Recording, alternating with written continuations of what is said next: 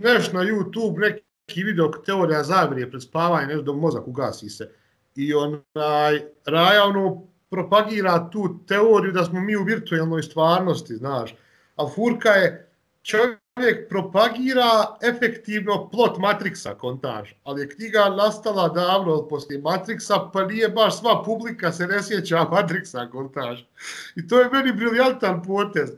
Čovjek ti je prepakirao film, dodao svoja sranja, kontaž i prodaje to ko... Ja sam tu hipotezu da živimo u simulaciji nekako uvijek smatrao neozbiljno. Međutim, nedavno sam čitao knjigu, zove se Math Without Numbers, koja mi je po prvi put racionalno predstavila takvu mogućnost. U filozofiji ima jedna stara debata. Ima dosta i, i, i YouTube videa na tu temu. O tome kako je zapravo čudno da zakoni matematike na izgled savršeno odgovaraju našim empirijskim observacijama o stvarnom svijetu, o fizičkom svijetu. Recimo, mnoge elementarne čestice, uključujući Higgsov bozon, mi smo matematički predvidjeli decenijama prije nego smo ih empirijski observirali. Neke planete sunčevog sistema, njihovu veličinu, njihov položaj, mi smo znali prije nego što smo uopće potvrdili da one zapravo postoje. I sad, autor ove knjige koju sam spomenuo, kaže da svaka simulacija, koliko god bila banalna ili kompleksna, ima set nekih pravila koji upravljaju tom simulacijom. On postavlja hipotezu kako je matematika možda set pravila koji upravlja našom stvarnošću i da ta na izgled podudarnost, ta naša sposobnost da matematikom predvidimo nešto što uopšte nismo iskustveno potvrdili, sugerira da je matematika set pravila iza naše simulacije. Ali to mi opet djeluje ko Matrix sa ekstra stepovima. Ne, ne realno, ono, znaš, na ekranu su ni brojevi i to. I onda povežeš to na neki način, malo intelektualno nafiluješ sa strane i repakeđaš jebeni Matrix kontakt. Ti razumiješ šta ti hoću reći? Ja, ali Matrix je loosely based na dijelu simulacra and simulation. I kao takav možda više filozofski odgovara temama o kojima ćemo danas pričati, a to su mediji i način na koji oni stvaraju percepcije realnosti, nego što pretenduje da govori o fizičkoj prirodi našeg svijeta.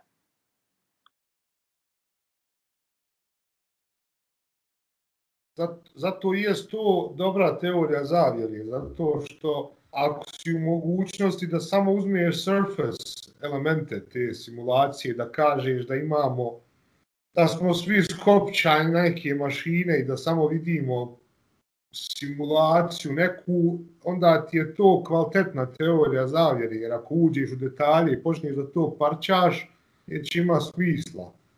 Nikako, shvataš. Čak i oni koji zagrizu u to, ono, doći u neku fazu, rečeš, hm, što se nikad nije niko otkopću. Ako jest, je to kad umremo? Pa šta ako ja sebe ubijem? Pa bi se taj lik ubio. I onda imaš budalo manji na planeti. Znaš, sama teorija od sebe, ono, ne da ti daš, dobra je zato što je bazična i ako u nju zaroniš, onda već upadaš u sfere, ili će te logika otjerati od toga, ili će ti ovaj, ćeš urat nešto što će te ubiti, ili će te oštetiti mentalno, fizički, pa biti isključen iz gym poola, pa će biti ono, samo eliminatorno ako kreneš u to ulaz. daš.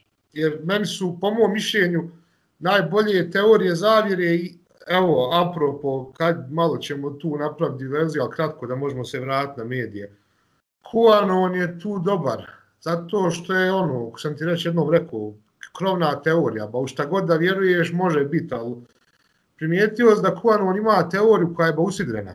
Donald Trump kao borac za ljudska za svijet, e, borba protiv pedofila, Pizzagate, e, vakcinacije, čipovanje, sve to plausible. Ako prčkaš logički, mogu vidjeti kako neko to zaključi. Ja personalno volim onu teoriju da je Elvis na mjesecu i da imaju nacisti na mračnoj strani mjeseca bazu, ali ti to dokazat logički kad kreneš, odmah uvidiš da je sranje, pa ti treba da ga filuješ glupostima. Ali recimo, teorija da će te vakcina učerat u tebe nešto loše je poprilično možeš vidjeti kako neko logično do tog dođe, jer to je vakcina, uzmeš mali dio zaraze, jel u sebe ubaciš, imaju, imaju building blokovi istine, faktički stanja svijeta. I onda to samo flipaš u neku bolest.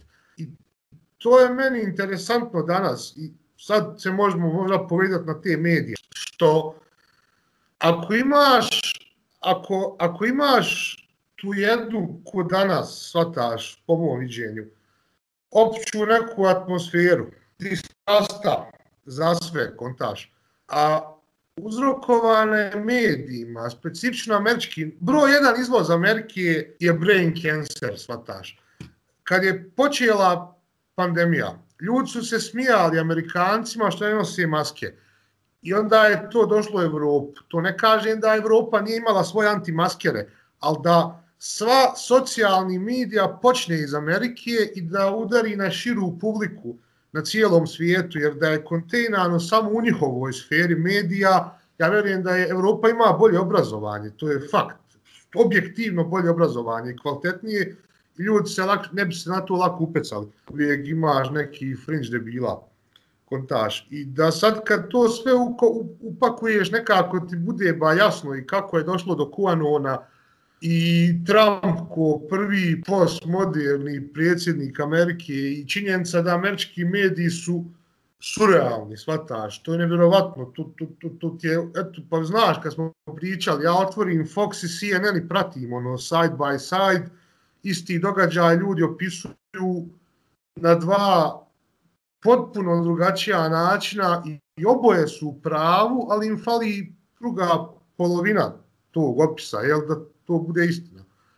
Ono ko sam ti rekao, što demokrate kažu da je to insurgency, to je CNN, insurgency, napad terorista, a s druge strane Fox kaže da je to haos u kapitolu i znaš, kad ti spojiš te dvije stvari koje ti oni govore, to je tačno haos u kapitolu jer su napali domaći teroristi, ali se ne prikazuje tako.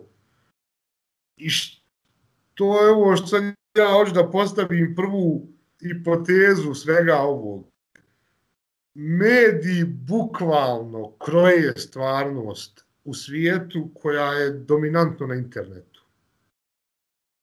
Taj moja, taj, znači, jel, hipoteza koju bi trebao da, koju prezentujem. Nadovezat ću se na to, ali prije nego se nadovežem da dadne mali kontekst ovom našem razgovoru za ona dva lika koja će randomly nabasati na podcast. Pošto nas dvojica ovako redovno tabirimo dnevno političke i druge teme koje su nam od interesa, sada smo odlučili da to i snimimo.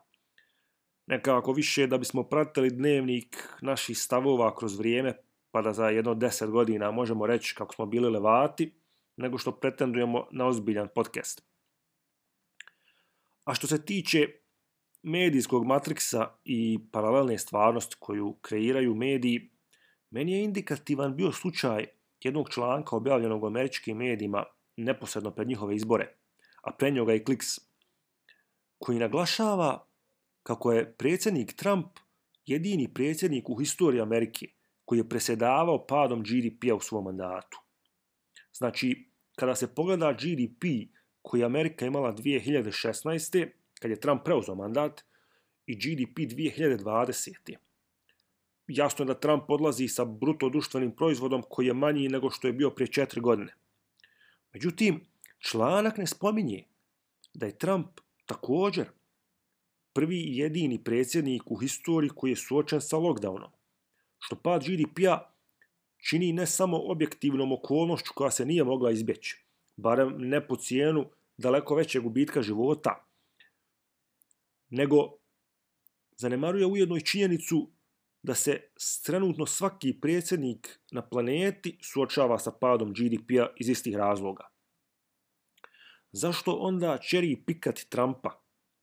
Pa zato što želiš da kreiraš percepciju kako je njegovo presjedavanje pogubno za ekonomiju. I tako mediji postižu taj simulakra efekt. Stvarnost nije ono što smo iskustveno potvrdili, nego ono što nam je posredno preneseno i protumačeno. Ne samo kontra Trump, naravno, nego i pro Trump. Mada su najveći mediji pod kontrolom demokrata, pa je kontra Trump manipulacija nešto prisutnija u javnom prostoru. I nije potreban doktorat iz ekonomije da shvatiš koliko je ovaj primjer sa GDP-om zapravo nepošten. Potrebno je malo kritički posmatrati stvari, ali nekako kao da u prosjeku nismo sposobni za to. Nekako u prosjeku se ipak hvatamo na ove mamce. Ono što bi tu dodao je u suštini e, koliko duboko unazad treba, kad kažem koliko duboko unazad, ne govorim od nastanka interneta, govorim od nastanka pisane riječi javnih medija konceptualno, bi u suštinski trebao otići da vidiš da je možda to pojava koja je nije nova, ali da je pojavom interneta amplificirana. Ja sam ako se ne varam na Redditu neki članak pokupio pa nastavio u suštini koji je efektivno propagira sljedeću priču da su u rimsko doba ljudi imali neke vrste medija kojim su propagirali kontra drugih senatora u tom periodu, što ti u suštini vidiš da je ideja ta da neko ko ima megafon jel, u rimskom dobu kada ga nije bilo, da ima da inherentno ljudi shvataju šta znači propagira svoju verziju priče dalje, pa onda idemo do momenta onog što svi u istoriji vole da se pozovu, a ne u general, po mišljenju, nikad ne fali im nuans da razumiju pojentu toga, paljenje knjiga. Paljenje knjiga je isto ovo danas što te neko protjera sa platforme online u nekom aspektu, ali znači nije samo nužno to, ima tu i drugi elemenata i komplikovana je tema za ovako bil, banalno samo diskutovat. Ali u suštini ljudi su čitavu historiju, od, vratno od kad su napravili mogućnost riječi, kad su shvatili konceptualno šta znači kad su shvatili populizam efektivno, pošto populizam je nastao u Rimu, u Rimskoj republici, tad je prvi put zabilježeno kako populizam, populizam se ko pravac politički zabilježi u istoriji, ako se ne varam, kako ljudi razumiju da ti, ako imaš neki narativ, možeš da veoma lako e, putem sestava javnog obavještavanja, iako i ne bi tako zvali tad nužno, e, napraviš promjenu. I, I problem je bio što smo tehnološki napredovali u fazi gdje sad ja ne mogu efektivno zaobići propagandu, bilo koje vrste i da kažem propagandu, kad mi na mobitel dođe poruka da MBA prikuplja za rak dojke novac, iako je to objektivno dobra stvar, treba uraditi. Propaganda je. I to je jedan problem što nam fali dosta nuansa u modernom svijetu. Ljudi kažu propaganda to je loše. Nije jako propagandi, jako propagandišim za nešto što je dobro. E, to jeste propaganda, ali ima neki plemeni cilj. Sad moralnost cilja, o tom se isto može diktovati, da, da ne dadim u to, ali pojenta je da sad imaš amplifikaciju svega, sve jedna stvar na ovom svijetu je amplificirana i nemaš bijega. A oni koji budu, koji pobjegnu od amplifikacije svih poruka su ono što je, ako se ne varam, to me ti možda mogu ispraviti. Ona rečenca ima samo jedna ovaj stvar gora od dezinformacije, to je da nisi uopšte informisan. To je ono neko od filozofa rekao, ako se ne varam. I ti u suštini nemaš, moraš ovim ću završiti predati riječ, uh, prisiljen si da ili ne samo razvija kritičko razmišljanje, znači nego da u hodu ga razvijaš. Nije dosta samo naučiti kritički razmišljati, moraš ga kontinuirano updateovat, jer kontinuirano ulaze novi metodi koji te tjeraju da stvari prihvataš kako ti se serviraju. I znam da ovo zvuči ko ona teorija zavere, ide u tom pravcu na prvu, ali suštini kontinuirano moraš biti u lockstepu sa produkcijom medijskih informacija da bi mogu da razaznaš šta to nije. Pa suštinski svaki medij koji pretenduje da obrazuje, informiše, kultiviše, na neki način predstavlja propagandu. Jer nema obrazovanja, e, niti ima umjetnosti, pa ni masovnih medija koji ne nose određene ideje ili barem određenu interpretaciju stvarnosti, a time onda i promoviraju neki intelektualni stav, što suštinski jest propaganda. Izuzetak je možda jedino bio svojevremeno pokret umjetnost radi umjetnosti, koji je jel, držao stav da umjetnost mora biti oslobođena bilo kakve didaktike i da jedino takva operisana nekih velikih ideja ili ideja uopšte jeste prava umjetnost, jeste nezagađena umjetnost. Međutim, čak i kad promoviramo ideje za koje bi se većina ljudi složila da su plemenite, poput humanitarnih ideja, tehnički gledano one još uvijek jesu propaganda, što sugerira da nije svaka propaganda sama po sebi nešto loše. Problem se javlja kad je propaganda u sprezi sa manipulacijom. Kad koristimo te neke inherentne heuristike publike, kognitivna ograničenja pri procesiranju informacija koje ljudi imaju, da bismo postigli efekat koji želimo. Tad je sporna i propaganda koja zagovara plemenite stvari, jer pretenduje da ljude ubijede, da ljude ubijedi i izmanipulira na te stvari. Barem se meni tako učini.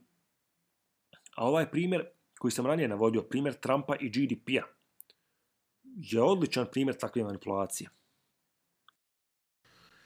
To je moderni problem. Mo, kontemporarno kad posmatraš, ako samo uzmijemo eru Trumpa od 2000, pa ja bih rekao 15. do 21. zato što je on dobio stekao je svoju popularnost od e, republičkih premijer izbora, pa od svog izbora za predsjednika, pa na ovamo, tako da je ta njegova era duža, čak ulazi Obaminu tu neku era američku. Svatamo da imamo, da su uvijek bili problemi sa njegov prikazom njegovog, ovaj, njegovog predsjedovanja problem koji sam ja uvidio, a ja provodim relativno dosta vremena konzumirajući američke medije, je sljedeći. Američki mediji su obojeni ideološki nevjerovatno, ali dubina problema je veća, je širi je problem od toga nemaju mediji ideologiju Americi. Amerika ima jednu ideologiju, ima američki imperializam kao ideologiju i sve drugo mimo toga je reći da su oni desnica ljevica je reduktivno, poprilično za njihovu situaciju. Međutim, ovo je problem. Ima jedna teorija u političkoj knjizi koju sam čitao, to mi je bila jedna od ovih tematika koje smo i na NATO koleđu kad sam išao ovaj, obrađivali, koji se tiče tih uh, strateškog komuniciranja u ratu. I on to povezuju u suštini sa modernom, sa sferom jel, modernog interneta. Kako je to išlo? Originalno strateško komuniciranje je bilo pojam koji je NATO uveo, to je star, nije NATO ni postojao, koji je drugi svjetski rat nam dao, ali starija ideja od toga, ali tad se prvi put zabilježava nešto što možda pratiš kroz izvjesna dokumenta i aktivno su, od, od, imaju, imaš e, materijalne dokaze za to desilo. Kada su Englezi otkrili radar, Profs, e, njihovi operativci službe koji su bili u Njemačkoj su slagali priču da je mrkva dobra za vid i da je razlog što piloti Royal Air Force-a skidaju njemačke bombardere, to što oni jedu puno mrkve, a u suštini ovaj, oni su imali radar, imali samo bolju tehniku i mogli su i da i ponoćni letove da vode. To prvi proto pojava strateškog komuniciranja. Najbolji primjer današnjeg strateškog komuniciranja na našim prostorima, ovo ne znam je upoznat, ovo može biti tebi zanimljivo, je kad se kaže da se u Bosni treba smanjiti proruski utjecaj. Znaš zašto je to strateško komuniciranje? To je antiruska, antisrpska propaganda.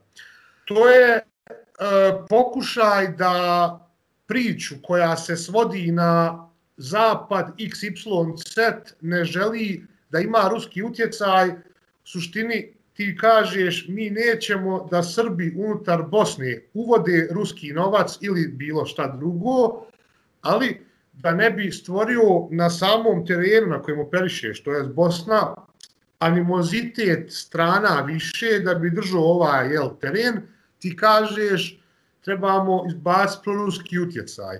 Problem je što ljudima, ne ljudima generalno, nego moraš biti obučen u koncept taškog komuniciranja da ti bude jasno to. Zato što na prvu ti to zvuči logično i like će isto da to poveđe sa Srbima. Ali ovaj, ide dublje od toga. Ide dublje od toga s aspekta da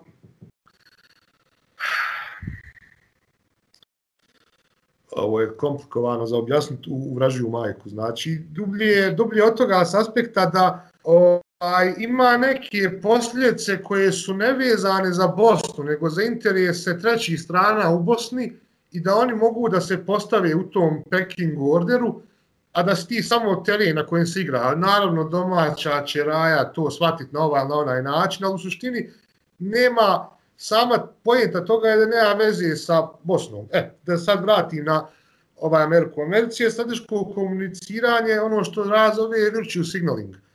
Desn, desna strana u Americi, to jest republikanci, su u suštini prvi počeli da napadaju ljevičare za virtue signaling.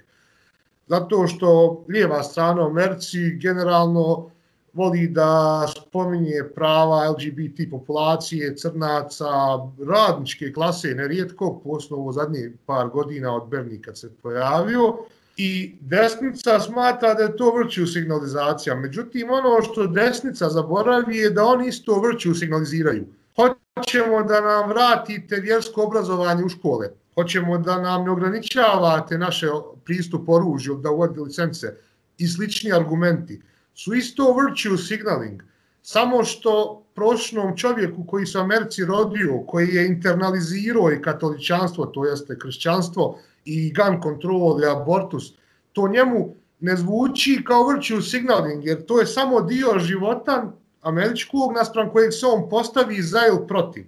Dok pitanje LGBT parova zahtijevaju čovjeka da malo dublje zarovi prije nek što bude eksplicitan da ili ne jer se obično ne rodi dijete u householdu u kojem imaš LGBT populaciju, da oni inherentno stiču svatanje šta je to. Dok za puške Isusa i to u Americi imaš, svi su takvi, oni svi od starta internaliziraju neke od tih vrijednosti. Jel?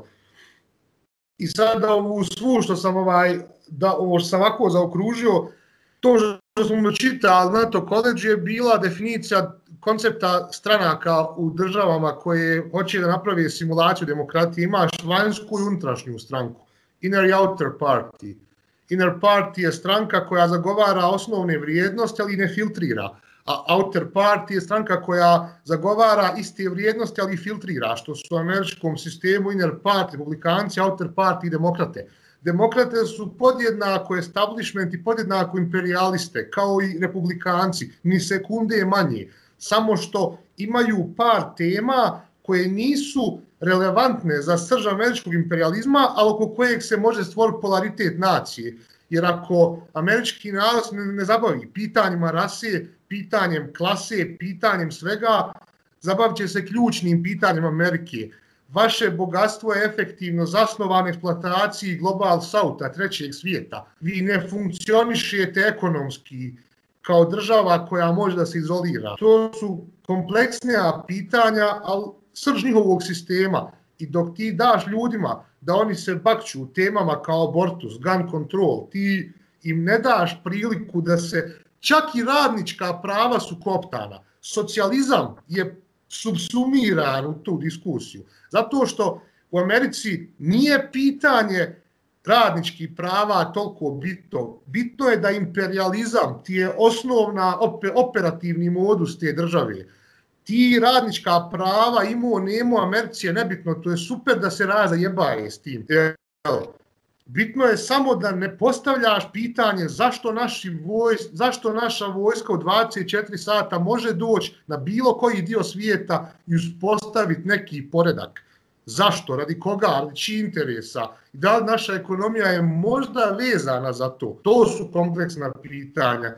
I zato u Americi se rijetko kad nađu pravi dobri intelektualci, jer oni koji, intelektualci koji pristupe tom pitanju među imperializma, njih mediji gase agresiji i ne da im se prostor, jer to je pitanje Amerike, ne rasizam. Rasizam je igra za malu djecu. Rasizam je odgovor, Amerika se tvrda da nije. Izvim, malo sam ja, zadržao, kreni tu čovjeka. Da se, da se ona ja vratim na, na ovaj medijski matriks koji kreiraju tamo, tamošnji ma, masovni mediji. Onaj, četiri godine nekako od pobjede Trumpa galvanizira se javnost da će nakon izbora koji su bili u ovom novembru doći do smaka svijeta, jel najmanje građanskog rata.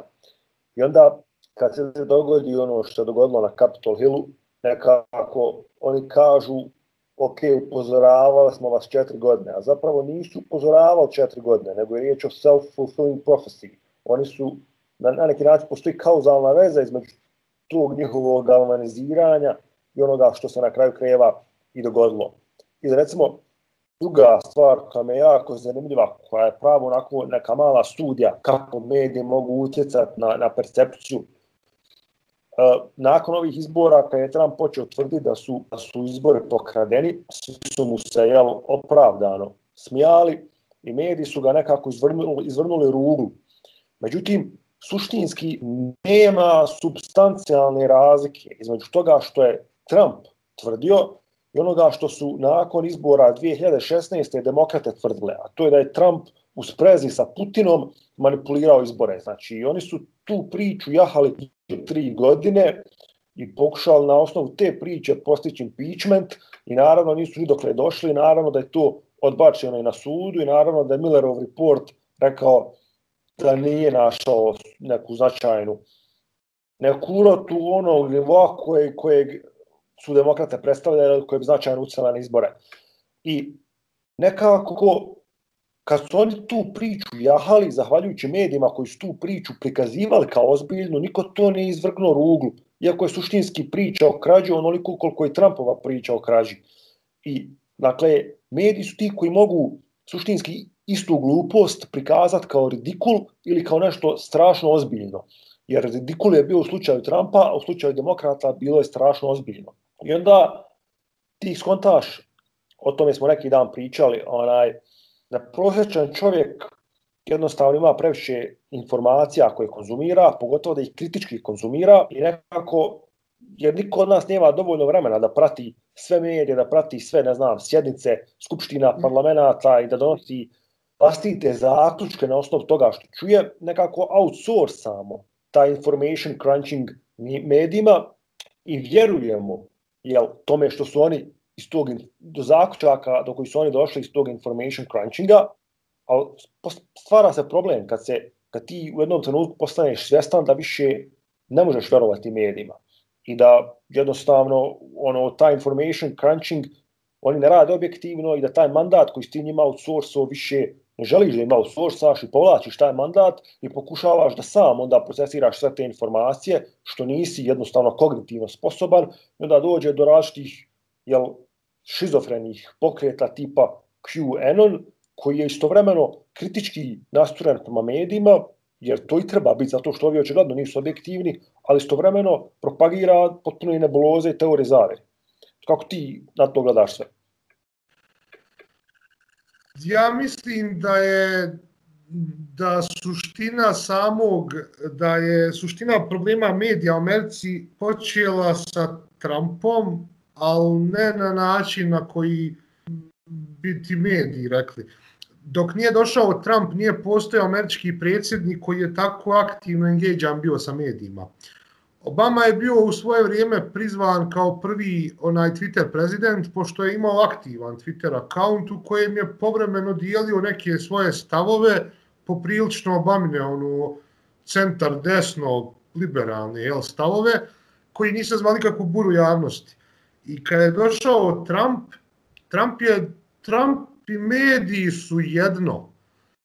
To je izrazito interesantno i zato i jest inter, meni bar interesantno bilo da je isključen sa mre, mre, medijskih mreža, o čemu ćemo dalje da diskutujemo kasnije. Ovaj, Trump je, ja mislim da je to jedan od najbriljantnijih ljudi što s aspekta poznavanja manipulacije javnostima. Čovjek zna da read the room i zna na nivou genijalca. I on je od starta bio svjestan inherentno, čak bi rekao, ne bi imao neko medijsko treniranje, zato neko možda dal, u kojem je on bio svjestan inherentno snage medija i potencijala za obmanu, za amplifikaciju poruke. I da ovaj je e, koristeći ovo što si ti rekao, diskusiju o Russiagate-u o tri godine koja se vrtla, on radio jako interesantne stvari. Pozadna Rašageta je bila da su u Senatu mnogi zakoni izglasani koji su doveli do sakaćenja prava da li radnika, da li LGBT populacije, da li bilo koga, ne bi, naravno nemam sad spisak toga, i da je sva ta medijska hajka iskorištena dobro od strukture establishmenta da se pro, da jednostavno manja bude pompa na zakonima, jer ako je tri godine u medijima fokus na nebuloznoj teoriji koja je jedno ovako 5% tačna da je Rusija interferirala u američke ovaj izbore, nećeš imati mogućnost da pratiš druge stvari. I onda vidiš šta ja mislim. Ti si gdje bi se tenčki IT mogli raz, raz, razilaziti u ovom? Ti kažeš, što za i slažem, da je imaš velik broj informacija koje nisi u stanju da kognitivno diseminiraš. Ja kažem da je možda i drugačije, da te bombarduju sa nekom velikom, velikim narativom, te nisi u stanju da pristupiš nižim stvarima koje su tebi kao pojedincu mnogo relevantnije. Primjer za Bosnu ćemo uzeti afera ikona ili Dodik. Mi na kliksu posmatramo samo o Dodiku, Dodiku, Dodiku, a u isto vrijeme ja nemam portal u kojem mogu da se informišem o tome šta je kanton Sarajevo u mom slučaju možda izglasao. Osim ako nije nešto stvarno, interesantno da prevaziđe priču o Dodiku. Ja mislim da je, to je znači, jel, sad dođe da povežem, da je nije samo inherentno problem Amerike, ni Bosne, ni bilo koje zemlje, nego generalno medija.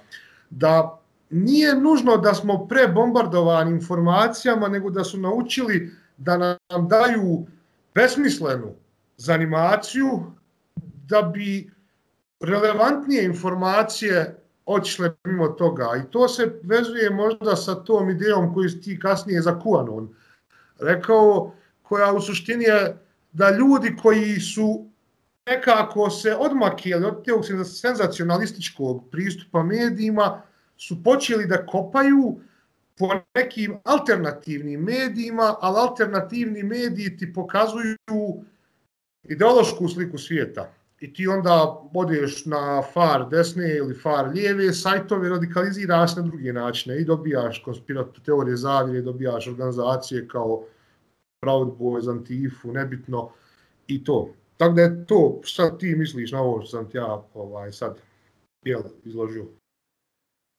Meni se čini da je fundamentalna promjena nastupila s prelaskom medija na internet i stavljanjem naglaska na teme koje možda nisu od substancijalnog značaja za društvo, ali jesu clickbait, zbog čega se forsiraju. A pošto se forsiraju, počinjemo vjerovat kako jesu od substancijalnog značaja za društvo. Zbog svega toga, važne teme nekako često završe ispod žita.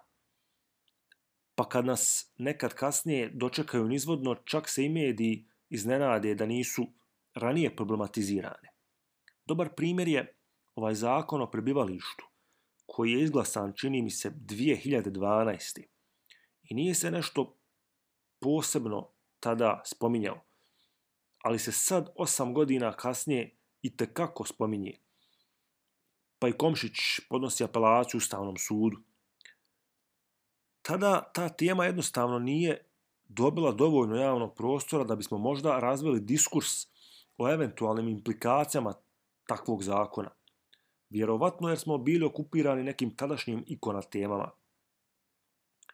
Srodan primjer je i Bajdenova prošlost.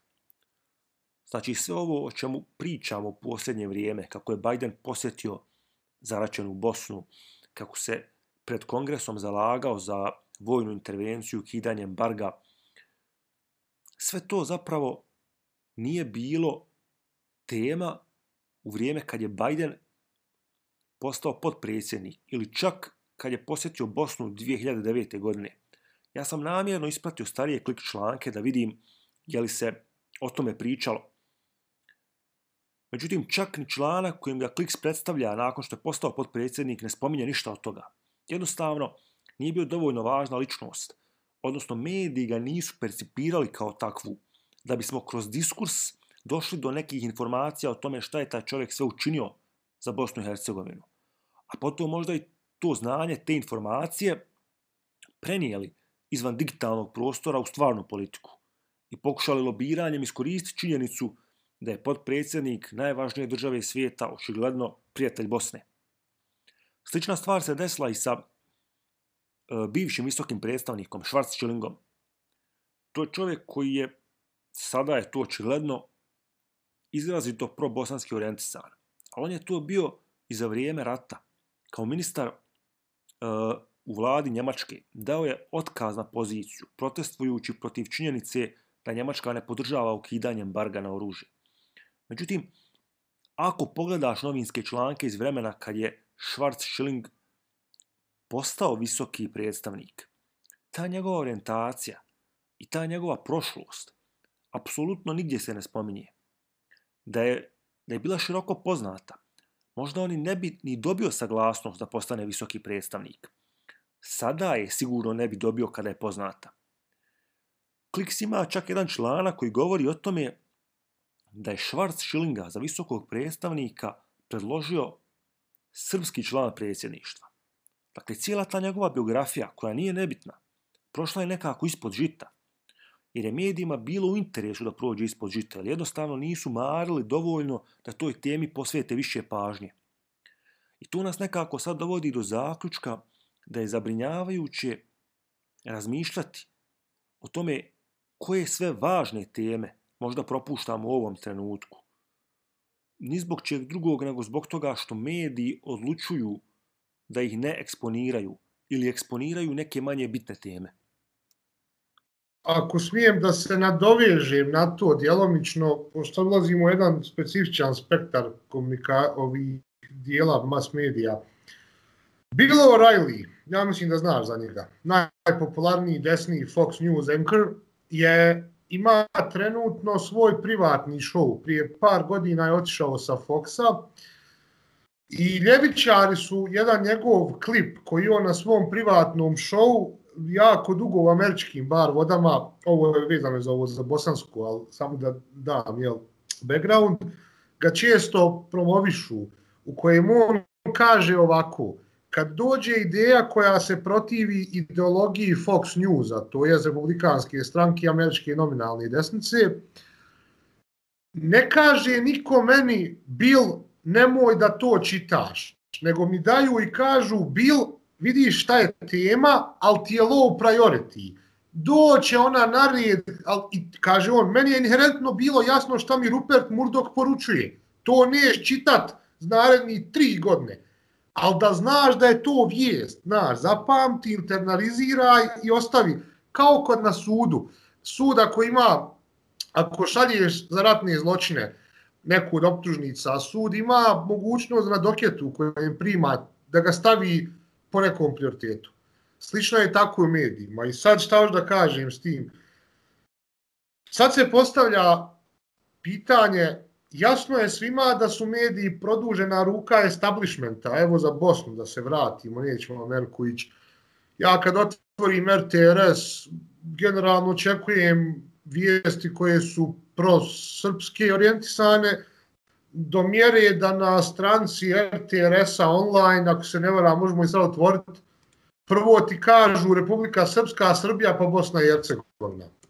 Što ti u suštini govori koje je njihov političko, ovaj, političko, ovaj, evo vidiš, Srpska, pa, a, boga mi nije, Srpska, BiH, Srbija, da, da se ispravim, Srpska, BiH, Srbija. Ali to ti u suštini govori da su ti ljubi, mislim, ne treba biti previše bajest. Ja bi da RTRS-u prvo htio vijesti iz Srpske, pa onda iz Bosne, logično. Ali u suštini tu vidiš elementarni bajest. Na tom se portalu ne vide vijesti iz Federacije, na primjer. Iako bi imalo smisla, pošto ljudi iz Republike Srpske rutinski rade u Federaciji obrnuto. I postavlja se pitanje do koje mjere je naše, ne naše, nego svjetsku, ali u ovom kontekstu naše, novinarstvo kompromitovano. Prošćan čovjek, turbo like, što bi se reklo, će ti reći kompromitovano je. Ali problem meni nije da li je kompromitovano, jest. Problem je koliko i kako. Jer ima jedno logično pitanje, evo, apropo tog sa Schwarzschildingom. Čiji je bio interes da se Švart Šilingova prošlost kao čovjeka probosanskog iskopa 2018. kad nije bilo bitno ni zašto. Da li je to bila potreba SDA stranke da prikrije neku aferu ili da ocrni možda Inska? Ima, sad postavlja se kompleksnije pitanje od same činjenice da vijesti ne izvještavaju na čemu na vrijeme koja je centralna tačka? Mi znamo za svijet, to se zna, svijet se zna, Rupert Murdoch kontroliše sve desničarske relevantnije medije na svijetu. I ti si otključio tu zagonetku i kažeš, dobro, ako se Trump, ko što se posvađao sa Murdochom nakon što je izgubio izbore, odjednom i Fox News je popustio, počinje da priča retorku i kontra Trumpa, ne previše, da ne bi uništio samu stranku koju predstavlja, ali znači u velikom mjeri ga osuđuju u nekoj, na, što se prije bilo nezamislivo. Samo su ga platforme sada u pozitivnom aspektu. Imali su, imali su emisiju Fox and Friends gdje je redovan gost bio. E, ko je to u Bosni? Ko je to u bilo kojoj dijelu svijeta? I da li uopšte možemo više govoriti o slobodnim medijima, osim ako nisu neka divlja NGO organizacija osnovana u šupi za moje zgrade, koja ide terenski, istražuje i poslija pitanja i koliko će vremena proći dok i njih neko ne ugasi ili dok se ne prodaju. To je jedan recimo, stvari koja iz ovog mogu povući. Prepuštam tebi, jel, repliku e, čak i ako nisu pod reknom šapom evo, neki interesnih grupa, mediji još uvijek imaju određeni politički stav ili ideološki stav koji će ih približiti, da kažem, agitovanju za određene političke grupe. Što znači nije pitanje, nije pitanje jesu li oni onaj povezani s nekim strukturama moći. Pitanje je da li ovo bilo koji mediji može postojati kao nezavisan. Da li je to uopšte koncept koji je razumno očekivati u svijetu jel, gdje imamo ideje, ideologije i gdje se društvo u suštini zasniva na nekim idejama i ideologijama, odnosno dinamici i borbi različitih ideja i ideologija. E, to bi onda trebalo bismo zamisliti neki mediji koji ono u, u potpunosti, da kažem, robotiziran, koji saopštava puke činjenice, opet to ne bi bilo dovoljno, jer ljudima, pored pukih činjenica, treba i neka interpretacija toga šta se dešava. Čim imaš interpretaciju, imaćeš i neki stav, a taj stav ima svoju jel, idejnu, ideološku, političku i drugu dimenziju.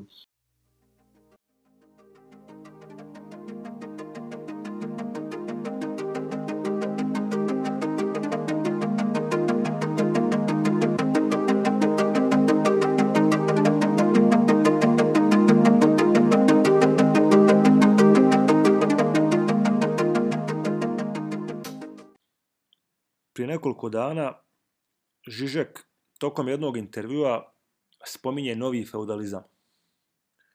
On smatra da je sva ova priča o populistima poput Trumpa zapravo promašena, jer iznad te strukture, političke strukture populista, formira se jedna mnogo moćnija struktura, a koju ne možemo smijeniti na izborima. To je struktura autoritarnih tehnokrata. Kao primjer navodi Jeff Bezosa i Bill Gatesa. Prvi je Amazonom privatizirao sistem distribucije, a drugi, između ostalog, jel, privatizirao komunikaciju, pa i ovaj naš razgovor kanalisan kroz Microsoftove servere, odnosno omogućenje njihovim privatnim vlasništvom. I tom privatizacijom oni zapravo postaju gospodar svih informacija koje jedno društvo generira. Dan ili dva nakon tog intervjua, Twitter zajedno sa drugim društvenim mrežama gasi akaunte predsjedniku najvažnije i ekonomski i vojno najsnažnije države svijeta, Trumpu. Čim ovaj faktički ostaje bez mogućnosti da se nefiltrirano obrati svijetu. Tako da mislim kako je opravdano postaviti pitanje da li su ovi tehnokrate, odnosno ovi pojedinci, već iznad države. Ok, država i dalje ima monopol na silu. Nisu iznad države u tom smislu. Nego u smislu da korporacije koje vode imaju monopol na sve ono što je Marks nazvao javnim prostorom. A to je monopol na distribuciju, monopol na komunikaciju, i na informacije. Drugim riječima, popunili su taj neki vakum koji se tradicionalno nije smatrao ničim dobrom. Eh sad, kako i novac postaje sve više digitaliziran, kako idemo lagano prema ukidanju keša, odnosno banknota i kovanica, i kako našim novcem sve više upravljaju payment procesori poput Mastera i Vizije, dolazimo u situaciju da te kompanije, odnosno kompanije Silikonske doline, mogu jednim klikom ukinuti glas, kako su uradili u slučaju Trumpa, ali i financijske resurse svakome ko ne sluša, odnosno koga one proglase personom non grata. Tu Trump više i nije problem. Problem je što se takva praksa uvodi kao pravdana, Čak i nužna. I problem je što pod tom krinkom sklanjanja luđaka mi svi pristajemo da nam se uskrate neke bazične slobode. Tako da smo sad već došli u situaciju da ako smo protiv ukidanja glasa bilo kome, pa i Trumpu, na taj način zapravo bivamo stigmatizirani kao QAnon ili Trumpove pristalce. Pristajemo na Orvelovske tendencije koje su protivne javnom interesu i pristajemo na nešto što bismo u svakom drugom slučaju ocijenili kao anticivilizacijski postupak da nije riječ baš o Trumpu. To je vjerovatno jedno od najkomplikovanijih pitanja o kojim sam razmišljio. Čak u mjeri da je komplikovano dovoljno da sam negdje kora, zakoračio u prvi korak antiintelektualizmu. Sad ću ti objasniti zašto pošto antiintelektualizam nije kad si glup, nego kad imaš percepciju, ali odbijaš da se engageaš sa tim, jel? To je meni antiintelektualizam. Znači, Znači, ja se slažem s profesorom Žižekom u jednoj mjeri, a u drugoj mjeri mislim da je i on postao žrtva senzacionalizma o kojem smo prijedno blok pričali.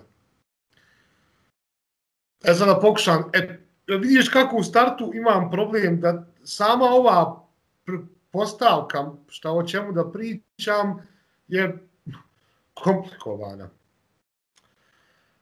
Jeff Bezos je po meni problem s aspekta da ti nije, nećeš biti u stanju da napraviš dovoljno veliku online platformu za distribuciju, jer ako je napraviš, on će ti je kupiti. Tako da privatizacija distribucije online je problem s te strane. Međutim, staviti znak jednakosti između onoga šta radi Gates, Bezos, Zuckerberg, ne čini mi se baš racionalnom. Oni prave monopole, ali drugih sfera. Da pokušam objasniti. Pravo na slobodu govora, što Amerikanci vole da se hvale First Amendment, ima jedan od stvarno najširih ovaj, zakonski i ustavno odobrenih prava na slobodu govora. Stvarno imaju u svijetu i s razlogom se mogu tim pohvaliti. Ima svoje ima sva ograničenja. Iako Americi nominalno je dozvoljeno reći šta god želiš, uključujući i fašističku ili komunističku retoriku, bez ikčije opresije, to je kao dva ekstremna rećemo, spektra društva ili dosadašnje političke misli, ovaj, nisi, nije ti dozvoljeno da u pozorištu kaže što je stari, to je čak, ja bih rekao, mim primjer, u ko, nije ti dozvoljeno da u pozorištu kažeš vatra, ako vatre nema. I ako od toga stvoriš paniku, odgovarat ćeš. Iako je tvoje Bogom dano pravo da kažeš vatra kad god hoćeš. Tako da i zakon i ustav inherentno razumije da riječi imaju snagu i da neke snaga i neke posljedice jednostavno moramo zaobići. Zašto ovo kažem? Kažem zato što se ovo povezuje odmah sa sljedećom logičnom stvari, pitanju cenzure. Nema države na svijetu koja ti daje slobodu govora i štitite od cenzure, ali da nije državna. Svaka liberalna demokratija i mnogi autoritativni liberalni sistemi, realno, ti dozvoljavaju i štite te od cenzure vlasti, ali ne od cenzure privatnih kompanija. Donald Trump nije cenzuriran kao predsjednik Amerike, on je cenzuriran kao građanin Trump. S razumijevanjem da su njegove riječi putem socijalnih mreža bile poticaj na nerede. Donald Trump nije izgubio svoj akaunt koji mu je dodijeljen zato što je postao predsjednik i ako su mediji pratili, znam da je, nisu izvještavali, on je na tom akauntu nastavio da agitira samo protiv kompanija koji su ga skinule i međutim Raja je bila u tolkom senzacionalističkom furoru da više Trump je bio nebitan što on priča. Potpuno je izgubio, ako su ikad htjeli da obezvrijede tog čovjeka, nisu mogli uraditi bolje nego da ga skinu, ironično. Jer sad ljudi više ne gledaju ni što je Trump skinut, ni šta on priča, nego samo što se to desilo. Tako da i to jako interesantno meni bila percepcija situacije. Ali, da, da se vratim, da se samo vratim legališkom tom aspektu. Oni firme, kompa, ja ne, jako je meni konfliktno o tom pričati, jer otprilike vidim jednu drugu stranu, e, neupitno je da je njihov monopol veliki, da je odgovor država treba biti oštar. Međutim, imamo jedan očigledan problem. Twitter je američka firma. Na koji način može Amerika, kako u modernom svijetu, ko ima pravo država da bana Twitter? Sad Njemačka može uvesti legislativu da se revanšira Twitteru što je ugasio Trumpa, ali to je američka kompanija. U startu imaš međunarodni problem. Amerika, ili recimo što su desničari rekli, zašto niste banali ovaj ajatola onog Komeinija koji priča o najvećim gadostima na Twitteru i likuje to što je Trump izbačen. Evo ti odgovor, odmah ću ga dat. Twitter nema pravo da se petlja u politiku Irana. Amerika ima. Problem mas medija je što su u isto vrijeme napravili simulaciju da smo mi neka globalna civilizacija, pritom ljudi zaboravljaju da mi i dalje imamo nation state-ove konceptualno. Da Twitter je američka firma, ona ima globalni reach, ali na koji način trebala bi svaka država svijeta koja smatra da ovo što je rađeno Trumpu je loše, da za sebe izvršiti regulativu Twittera. I kakav bi to bio sistem? Kakav bi odgovor, kako bi to poruku poslalo svijetu? Ja mislim da bi to bilo samo obrnut efekat. Kakav autoritatizam, gasi se pravo glasa u x, x, y, c državama. Problem je to što internet je svijet za sebe. Ako uzmijeti neko glas na internetu, ne mora nužno znaš da ti je uzeti glas in real life jeste da je tebi internet dominantno bitan, ali mi nismo zakonski, bojim se, i naša pravna praksa još nije došla na taj level da mi možemo da regulišemo stvarnost. Jer regulacija Twittera od strane državi u ovoj fazi bi de facto značila regulisanje stvarnosti. Mi bi trebali pisati zakone koji trebaju utići na stvarnost. Jer je internet postaje, po mom viđenju, postaje uh, paralelni svijet u kojem čovjek isti koji ja na ulici sretnijem, koji me pozdravi i kojim se pazi na internetu može biti deranged manijak. To su dvije paralelne stvarnosti od iste osobe. I, I sama kompleksnost teme je meni toliko široka da ja ne mislim da ima mentalni kapacitet da dam ništa konkretno i koherentno ljudima. Stvarno, mislim, znači nisam mogućnost. Čak sam pričao sa par kolega na poslu koji isto ovako ovdje diskutuju kao ja i ti sa mnom, koji su sličnog stava kao ja. Oni imaju onaj bazični stav, jebo Trumpa i nek one naciste izbacuju. Ali oni inherentno razumiju da ne možeš dokućiti mozgom stepen regulative ili neregulative kojom bi ti mogao da utječeš na to. To je komplikovano. Da, ali mediji su nam četiri godine ispirali mozak kako je Trump novi Hitler. A zatim su sebi pod tim izgovorom dali pravo da mu presude koristeći tu percepciju koju su sami generirali i moć koju su ranije koncentrisali. Ok, možda je on stvarno podstrekivao na državni udar, ali to se treba dokazati. U svakoj civiliziranoj zemlji svijeta državni udar se dokazuje pred nadležnim sudom, a tek onda idu mjere. Kompanije Silikonske doline, eto, kao Twitter ili Facebook, presudile su čisto na bazi vlastite percepcije. I pritome sve to opravdavaju rizikom da se dogodi novi neredi. Postoji rizik da svako od nas putem društvenih mreža pozove na činjenje ovih ili onih krivičnih dijela, ali samo zato što postoji rizik nećemo biti preventivno uklonjeni sa društvenih mreža. Međutim, Trump hoće što sugerira da stvarni razlozi prije leže u sprezi Silikonske doline sa određenim političkim elitama, naročito u demokratskoj bazi. I ne radi se o tome da li Njemačka ili Amerika imaju pravo da se miješaju u rad Twittera, nego da li Twitter ima pravo da se miješa u rad vlade. Eto imamo primjer Parlera, ove Twitter-like stranice na koju su Trumpove pristalice otišle nakon ukidanja računa Trumpu na Twitteru. Pa je Amazon ugasio servere Parleru. Znači, stranica nije ni na koji način povezana s Trumpom. Nije se svrstala na stranu Trumpa. Trump nema vlasnički udio u toj stranici. Stranica je kriva tek toliko što se neko na nju registrovao.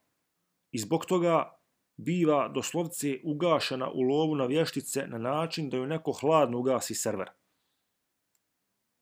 Parloru su serveri ugašeni zato što Parlor de facto se promoviše da nema, kon, nema nikakve kontrole na govorom. Nemaš moderaciju šta se na Parloru može reći ili prikazati. Što znači da se može dječja pornografija ili opet ne bi rekao desničarske, ekstremne lijeve i desne ideologije propagirati, uključujući ovo što vi radi Insurrection.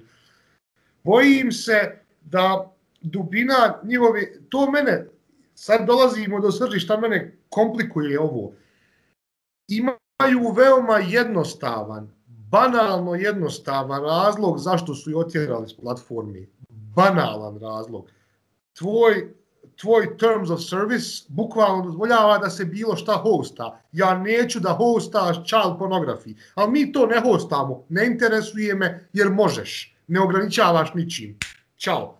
I to je meni kapitalizam, bukvalno. To je kapitalizam, ti im daš što serveri kažeš neću to. E sad, to je i problem, jer ja pojma nemam po kojim su uslovima serveri dali parlor. Imaju oni svoj sporazum, sigurno nije za javnost dostupan. I to komplikuje situaciju. Ja se slažem da je djelomično ideološki ovo donešeno, jer je veliki broj Amerike, i to zbora potvrdili, sito Trumpa i njegove retorike. I to je činjenica, stvarno je činjenica, s tim se nema šta diskutovati.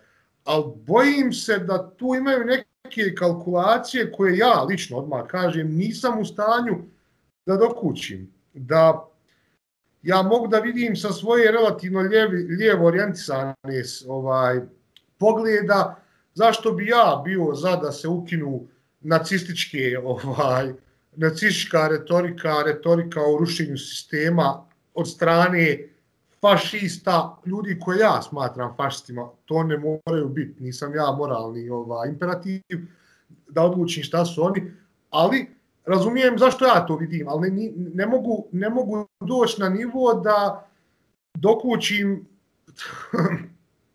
Amazonov potez. Jer opet defaultavno ono osnovno svatanje korporacija služi radi zarade. To je glavni cilj, to je meni pomišljeno jedini cilj, dobar proizvod i zarada. Dobar proizvod je opcionalan.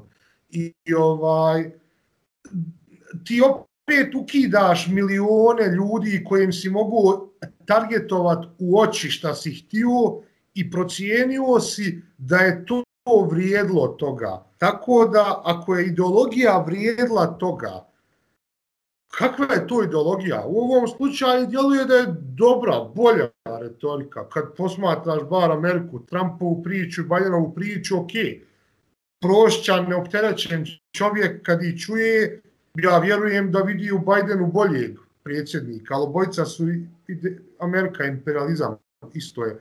Ali ono, Trump nije baš najkompetentniji po mojom mišljenju predsjednik Amerike s aspekta svojih kapaciteta, Biden možda i jeste. Ali, znaš, ima, vidiš, odlutam s teme, stvarno ne mogu formirati koherentan stav. E, da, tehnokrate te upravljaju big tech, ali ja ne vjerujem da su on neki ljevičarski Bernie bro, ljudi koji hoće da ukinu nacizam ili fašizam, vas neka antifa.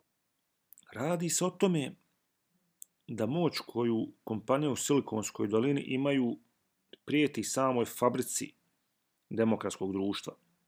One već sad imaju mogućnost, koja jest primjenjena u slučaju Trumpa, da zaobiđu tu neku tradicionalnu lokovu podjelu vlasti, a koja je temelj civilizacije, i da kažu nećemo mi čekati da budeš osuđen, nego ćemo te preventivno suditi. I kao što sam govorio ranije, ako mogu uzeti financijska sredstva, ako mogu uzeti glas i ako mogu gašenjem servera spriječiti pojedince ili grupe da hostaju svoje web stranice mimo njihovih medija i mimo njihovih kanala, onda imaju moć da učine da taj pojedinac ili ta grupa ne postoji. Tu čak Trump više nije ni važan. Sutra će se pojaviti neki novi Snowden, neko ko će biti freedom fighter, a oni će i njega moći ono, eliminisati na potpuno isti način. Tako da možda nećemo ni znati da, je, da se pojavio. To je suština problema, ta koncentracija moći koju imaju u rukama. Mi smo decenijama kroz razno raznu distopijsku umjetnost zamišljali svijet u kojem će doći do sudara korporacija i države, kako korporacije budu jačale. Međutim, to se nije desilo korporacije su u sprezi sa državom, na šta nam je Snowden i ukazao. One su na određen način njena produžena ruka, tako da te distopijske totalitarne tendencije država zapravo outsourca ovim korporacijama. Trump će otići ovako ili onako, a problem je što će ta moć ostati i taj mandat da te mogu ukinuti jednim klikom će ostati šta s tim raditi? To je ono što sam ti ja u prvom segmentu, prvi dio govora, kad sam malo odlutao od medija, donekle pričao u suštini, američki imperializam je problem meni više nego njihovo ograničenje prava govora. Zato što je ograničenje prava govora by product imperializma. Čuo sam najbolju definiciju fašizma u životu. Da, da, ne, izli, da ne ono se kaže, ne izližem ovaj priču fašizam, demokratija i to. Vako kažu, fašizam je kad politiku represije prema drugim okreneš prema svojim građanima. To Amerika radi i radi od pa brat, bratu hladnog rata na ovamo. Bavije se svaki potez te države se sveo na apsolutno jačanje države, jačanje establishmenta, jačanje jedne velike sile, najveće u svijetu, najopasnije trenutno na svijetu. I mediji su, ovo se desilo s medijima je samo još jedan element. Banalno pitanje. U svakom, za 24 sata Amerika može da ti sravni komad zemlje i da te bombardi u kamenu doba. Po kojem osnovu, u mom viđenju, je to manji aspekt njihovog globalnog utjecaja, nego činjenica da te njihova korporacija može ukinuti digitalno. Oni te mogu i fizički i digitalno obrisati u roku firme digitalno brže, naravno, ali u roku dana. U roku dana te nema. I mislim da smo opet zapali u senzacionalizam medija. Sad ćeš kako? Zaboravljamo drugu sferu Amerike. Amerika te može unmakeat. Amerika je de facto Bosnu stvorila. Napravila državu, razorila drugu državu. Promijenila živote miliona ljudi. Na Bliskom istoku, pazi, još uvijek se nismo dotakili digitalne sfere, zato što namjerno neću.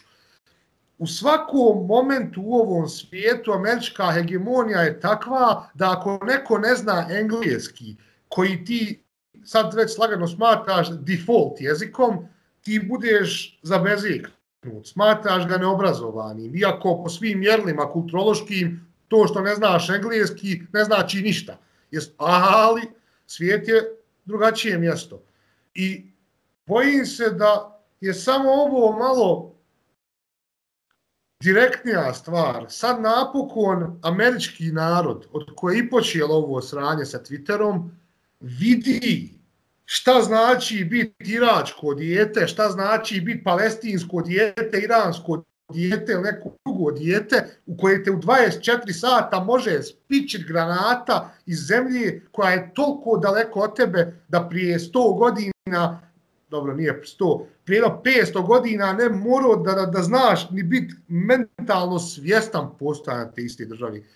I ovaj, sad kad se to fašistički na interno počelo promovisat, kad umjesto da brineš što će te granata obrisat dvije i po hiljade kilometara od Washingtona, sad kad se američki građanin mora da brine da li će mu bukvalno njegov život digitalni biti ugašen u sekundi, sad je problem. I to je dobro, ovo je dobro što se desilo, ovo je fenomenalno, jer tek će sad se doći do dra, dra, draštih promjena po pitanju američkog, bar digitalne hegemonije. To je fazon.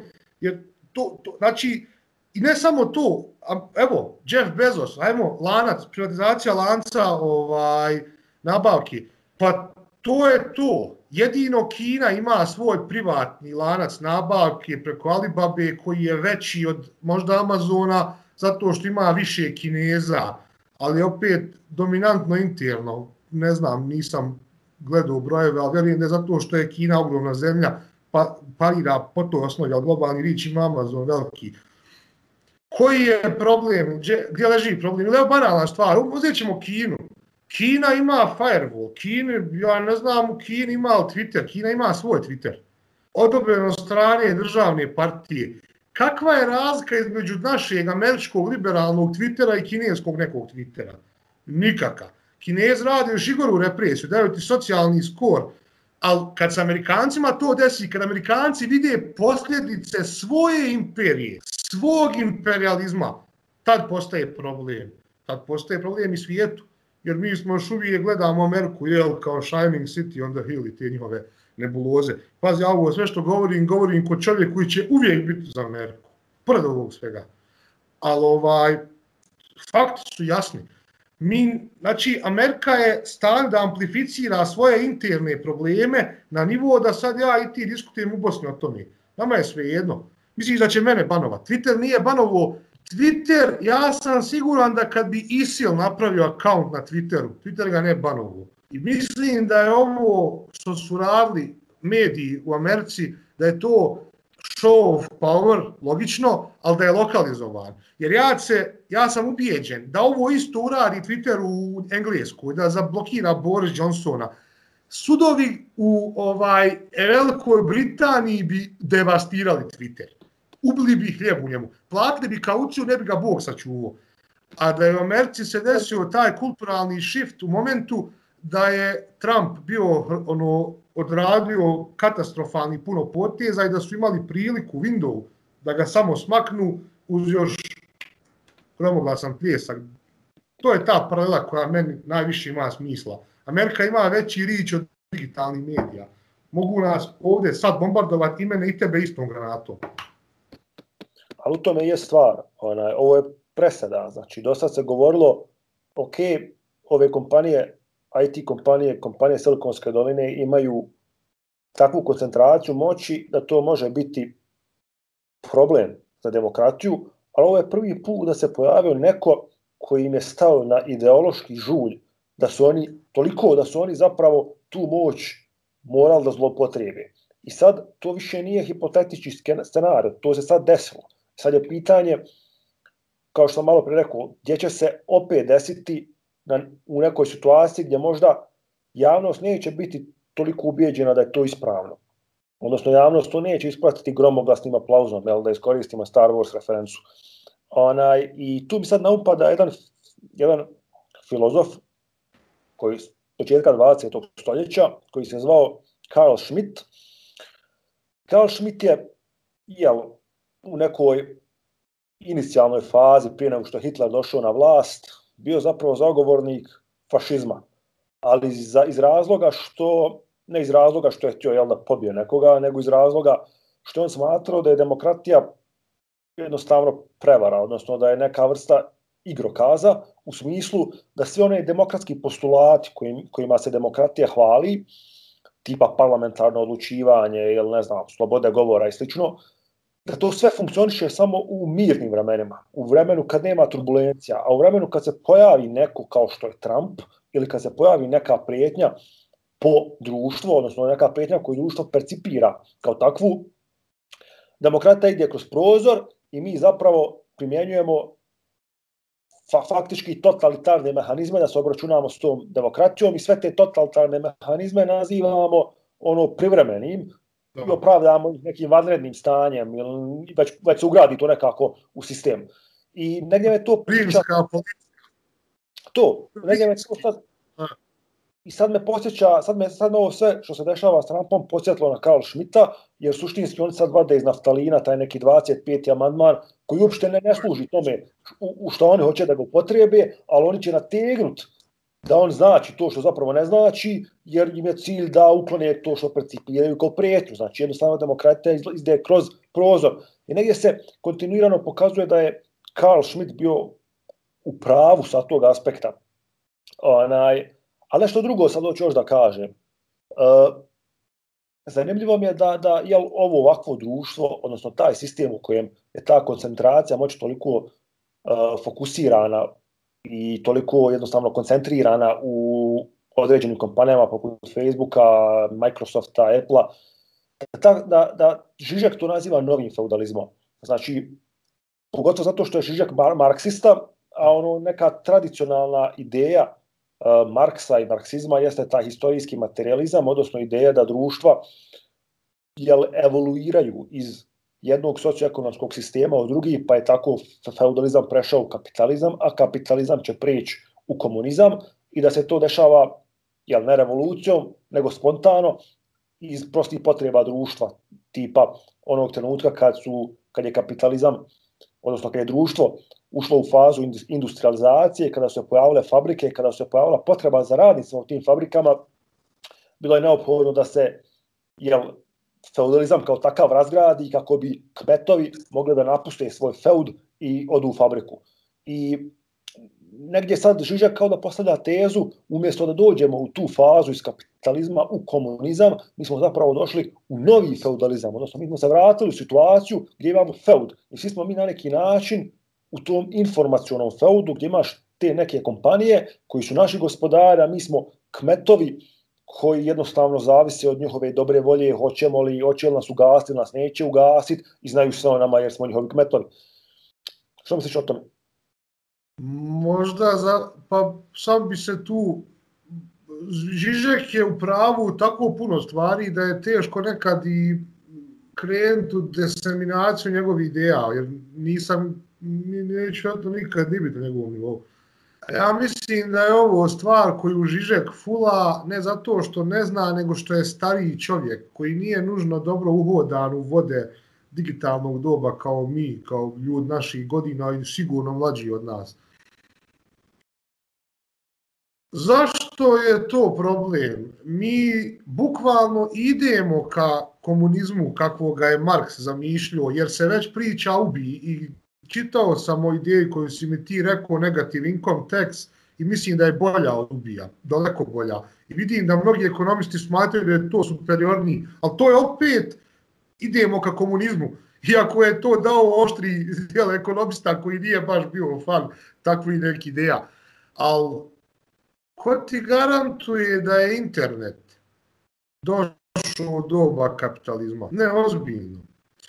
Zašto se ne posmataju paralelno svjetovi interneta i realnog života u kojem realni život i tvoje realne potrebe i dalje imaju potrebu realni svijet priča se ubi o socijalizmu, o raznim tim mjerama državnim koje mogu pomoći itd. itd. Jest, vidi se da lagano kapitalizam gubi snagu i da se umjetno održava snagu Amerike, realno.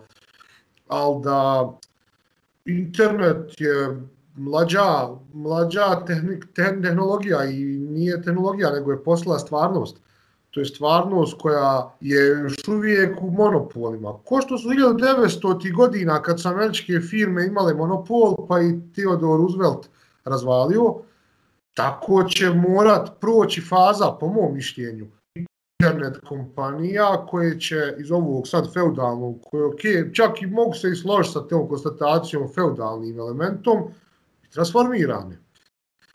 Za deset godina američka, pošto njene firme gro, jel, vlada može reći da je Twitter sad previše obuhvatan, da svaki čovjek ima Twitter iz nekog razloga, čak i dijete, i da onaj se treba napraviti neka koji za oil kompanije. Trebaš samo razdvojiti, imaš više kompanija sa drugim vlasnicima i da se onom koje držao sve te kompanije daju neke dionce u tim kompanijama u malom broju, da mu se održi njegovo bogatstvo, da se ispoštuje njegov, njegova ideja efektivno, ali da se decentralizira kontrola tih informacija.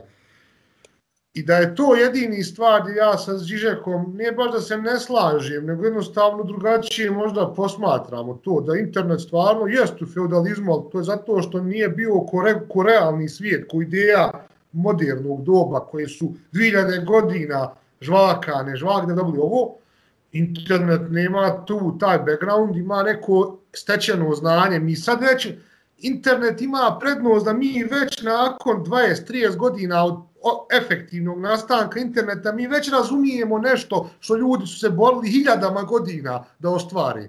Imamo neko prijašnje znanje koje možemo da kompariramo. Ali internet ko internet sam po sebi je takav još uvijek je bio je divlja zemlja, ne, ne utabani staze. A ono što je meni zanimljivo jeste da je, hajde, možemo reći, s aspekta te koncentracije vlasništva i koncentracije moći i koncentracije informacija, internet je neka vrsta novog feudalizma, a pošto su internet kompanije trenutno osovina najveće kompanije na svijetu, to jest Amerike, onda su te kompanije istovremeno i, i, i prenose taj aspekt novog feudalizma i u stvarni svijet.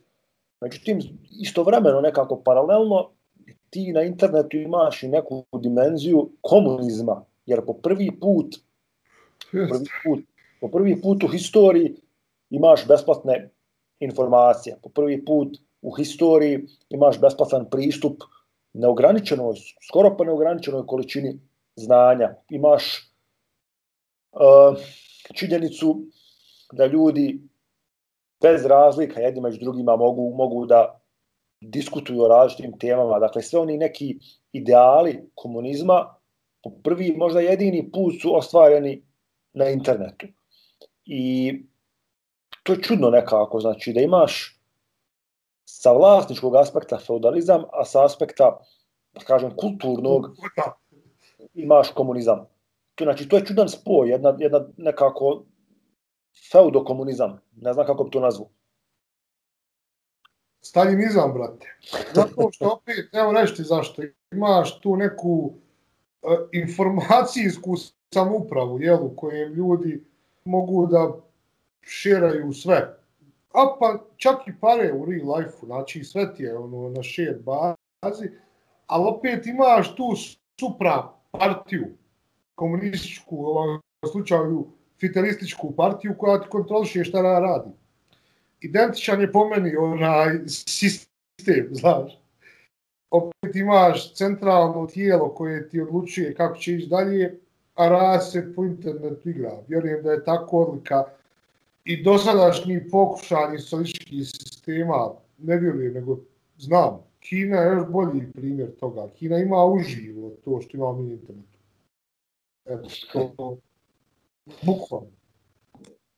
Onaj, ali eto kad smo se već dotakli ovih internet kompanija, što misliš o tome, a znali smo o tome nekad pričat, onaj, da je zapravo danas kapitalizam uh, specifičan po tome što ne zahtijeva kapital. Znači, kapitalisti više nemaju fabrike, nemaju mašine, nemaju postrojenja, nego su to kompanije tipa Facebook, Google, Microsoft, koji su primarno zainteresovani za informacije i čini mi se jedan od razloga zašto je machine learning postao buzzword, jeste upravo taj što govorimo o tehnikama i veštinama koje omogućavaju klasifikaciju i profiliranje korisnika, odnosno njihovih navika, interesa, informacija o njima.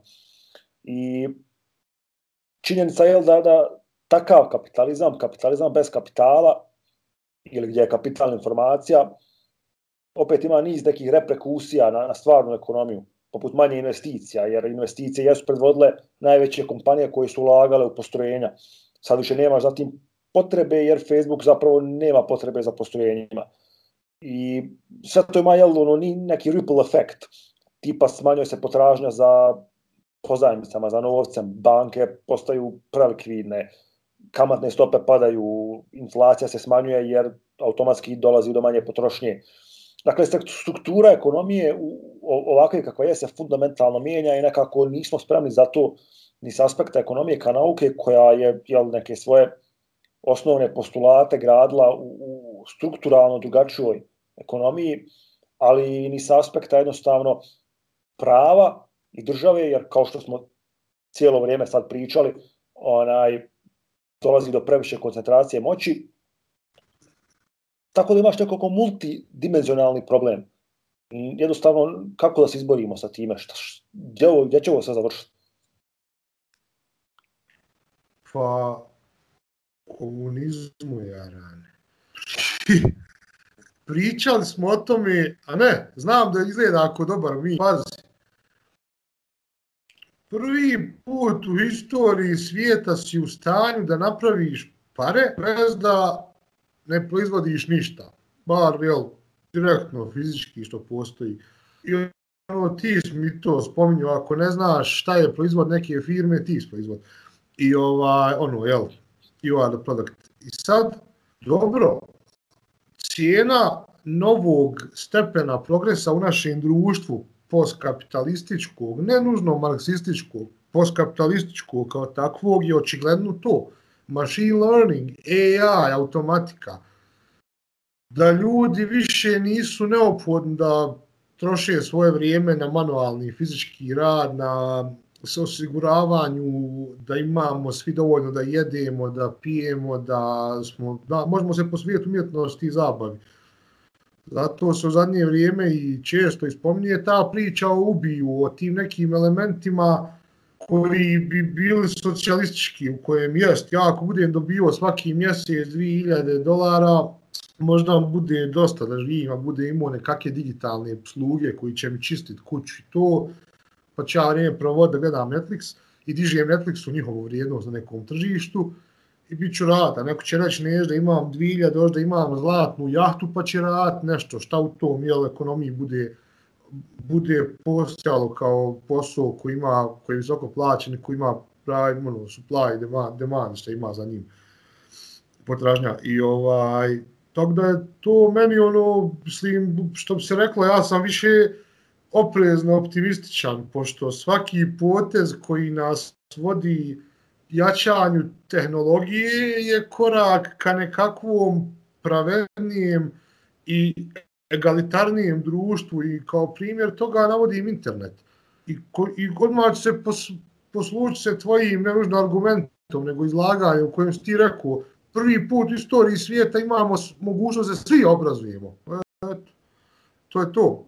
Internet je dao komunizam informacija, komunizam znanja, svi imamo pristup tim knjigama. Dobro, da internetu vremena, da će ti ostali elemente neke socijalne i to zanimljivo, tako ja to posmatram. Možda ne mora biti tačno da spolažem perfektnim informacijama, ali mi se čini da je to neki end goal. Čak nije namjerno to end goal. Da se i to odmah nije interes ni da mi uđemo u neku ubi svijet, nego priroda posla i vodi na to. Jer te korporacije će imati samo jedan interes, da ljudi što više troše vrijeme na njima. Posljedica toga manje da radiš. Rezultat toga hajde da osiguramo ubi da ljudi se mogu bakćati ideološkim sukomima na Twitteru ili slikama mačaka, sve jedno. Da, jer ako nam to stvara profit i u stratosferu ga diže, zašto da onda ljudi radi, kontaž, ako je to dominantan oblik ekonomije naše, da mi prodajemo imene informacije, onda mi samo treba 24 informacija i daj mi i da ja seminiram, i da imamo klikove, da imamo diskusije. Pa ušli smo u sferu onda kako su Grci zamišljali. Svi filozofi, vječiti forum, samo se priča o stvarima. I ako ima državu koja može da finansira da ti nisi mrtav odladi i da zdravstveno osigura, ulaziš u najbliže marksizmu nego što smo ikad mogli ući, tenčki gledano. Zavajući internetu. Napravit ćemo posebnu raspravu o UBI i, i to da. temama, ali zanimljivo je da baš ove tehnološke korporacije nekako najviše propagiraju ideju UBI-a. Što, je, što, je nekako, što je nekako kontraintuitivno, jer ako bude postojao UBI, on će se sigurno finansirati iz... Iz njihovih se sve prihoda. Njihovih, iz, znači, financirat će se tako što će se udariti uh, porez na kapital, odnosno porez na ono što Žižak zove renta, odnosno činjeni su da imaš taj neki passive income od investiranja, koji je najčešće ili neoporezovan ili oporezovan nedovoljno i ako je najčešće generator ti tog masovnog bogatstva i zapravo ove nejednakosti onaj, koja je sve veća jel, u, današnjem, u današnjem svijetu.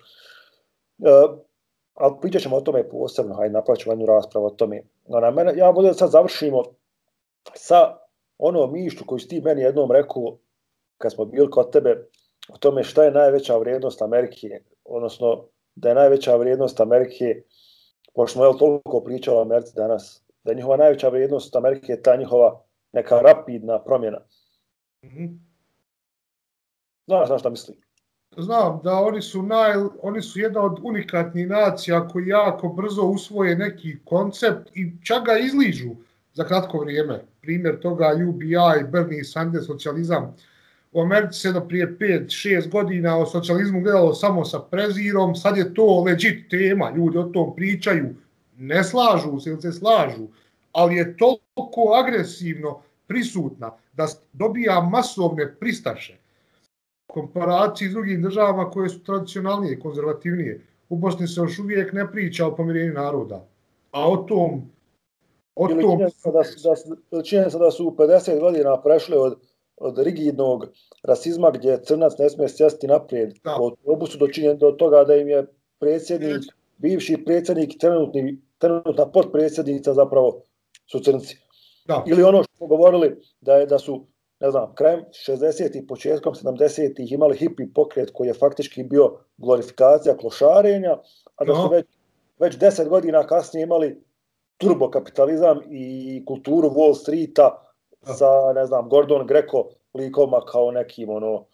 Idealnog američkog čovjeka, radnika, da. To je meni fascinantno kod njih. Ali i to je, to je meni fascinantno, ali to je odlika velikih carstava. Evo banalan primjer. Zašto ja sam uvijek skeptičan po pitanju hegemonije Kine? Kina nije uradila ništa, a ulaže milijarde da promoviše svoju kulturu. Mi volimo, to jest, mi poštujemo Kinu kao jednu od velikih zemalja, ali Amerika je u neki 70 godina se do, toliki dominat napravila, da se jedino može pored Rim ili ta neka stara Kina sa takvim tipom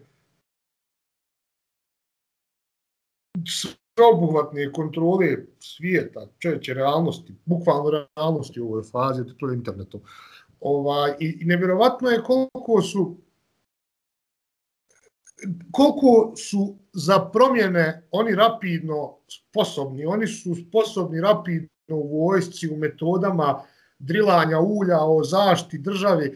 Ja sam siguran na nekom paralelnom univerzumu kad bi postojao Amerika koja ima neke okolinske vrijednosti bi koristila svoje nuklearne podmornice ako slučajno neko šume iskrči da te bombarduje. To je taj element. Oni imaju toliku sposobnost da jako brzo private neku ideju da je kroz javni diskurs sažvaću, oblikuju, upakuju i odmah šipaju svima. To nikad nije niko imao. Dio toga je naravno internet i Twitter i sve ovo smo pričali prijedhodno. Ali meni je to fascinantno i pohvalno. I do... Pa oni su od Donalda Trumpa do danas, to je 4-5 godina efektivno, oni su fašizam što se rajaš prda speed ranali. dobio si velikog oratora, govornika koji priča duhu naroda, mrzi strance, želi izolaciju, d, d, d, d, sve što su Njemci morali graditi 20-30 godina kroz razne ekonomske nedaće, ratove, d, d, d. Amerika je u četiri godine mira odradila fenomenalno. Fenomenalno. Stvorio si pristaše koji zagovornici bijele supremacije, mrze sve što nije bijelo, mrze kulturu koja nije bjelačka. D, d, d dobio si milione njih, napravili su svoje podgrupice, napravili terorističke napade i sad su i ugasli. Amerika je u četiri godine Trumpa uspjela uraditi nešto što svijet i dan danas priča kao najmračnijim periodom čovječanstva, drugi svjetski rat, taj ideološki sukob. To je meni zapanjujuće. Oni su fašizam u četiri godine smrvili, repakovali, proširili, obilo im se o glavu i sad ga gasi. Koja država to može? koja država to može? Države su komparativno sa Amerikom, po mojom mišljenju, tradicionalističke do Boga. Do Boga, znači. Znači, Amerika je uspjela ideologije, ideologije u roku šest godina toliko ovaj signal boostat da je to poslo fakt. U Americi nema čovjeka koji sad ne zna šta je marksizam, koji sad ne zna šta je UBI, šta je šta su socijalne vrijednosti. Nema, on može da to mrzi, ali on je informisan. A ja sad mogu izaći po Sarajevu da pitam ljude šta je UBI, šta je socijalizam, pa da mi o Jugoslaviji nekoj priča nekih tako nebuloznim sranjima. U Americi ljudi su de facto u šest godina stvarili te koncepte, jednostavno to je postao dio priče. To je fascinantno, to je meni nevjerovatno nešto, to je to je jedan moment gdje ja stvarno Ameriku, ono, ko državu volim neograničeno. Ta samo brzina, privatan ideja novih, dobri ili loših. To je... U Americi historija teče brže. Eto, da završimo sa tim onda. Slažem se. Ajde, vidimo se na iduće sedmice. Ajde, čuvam se, čuvaj. Živio.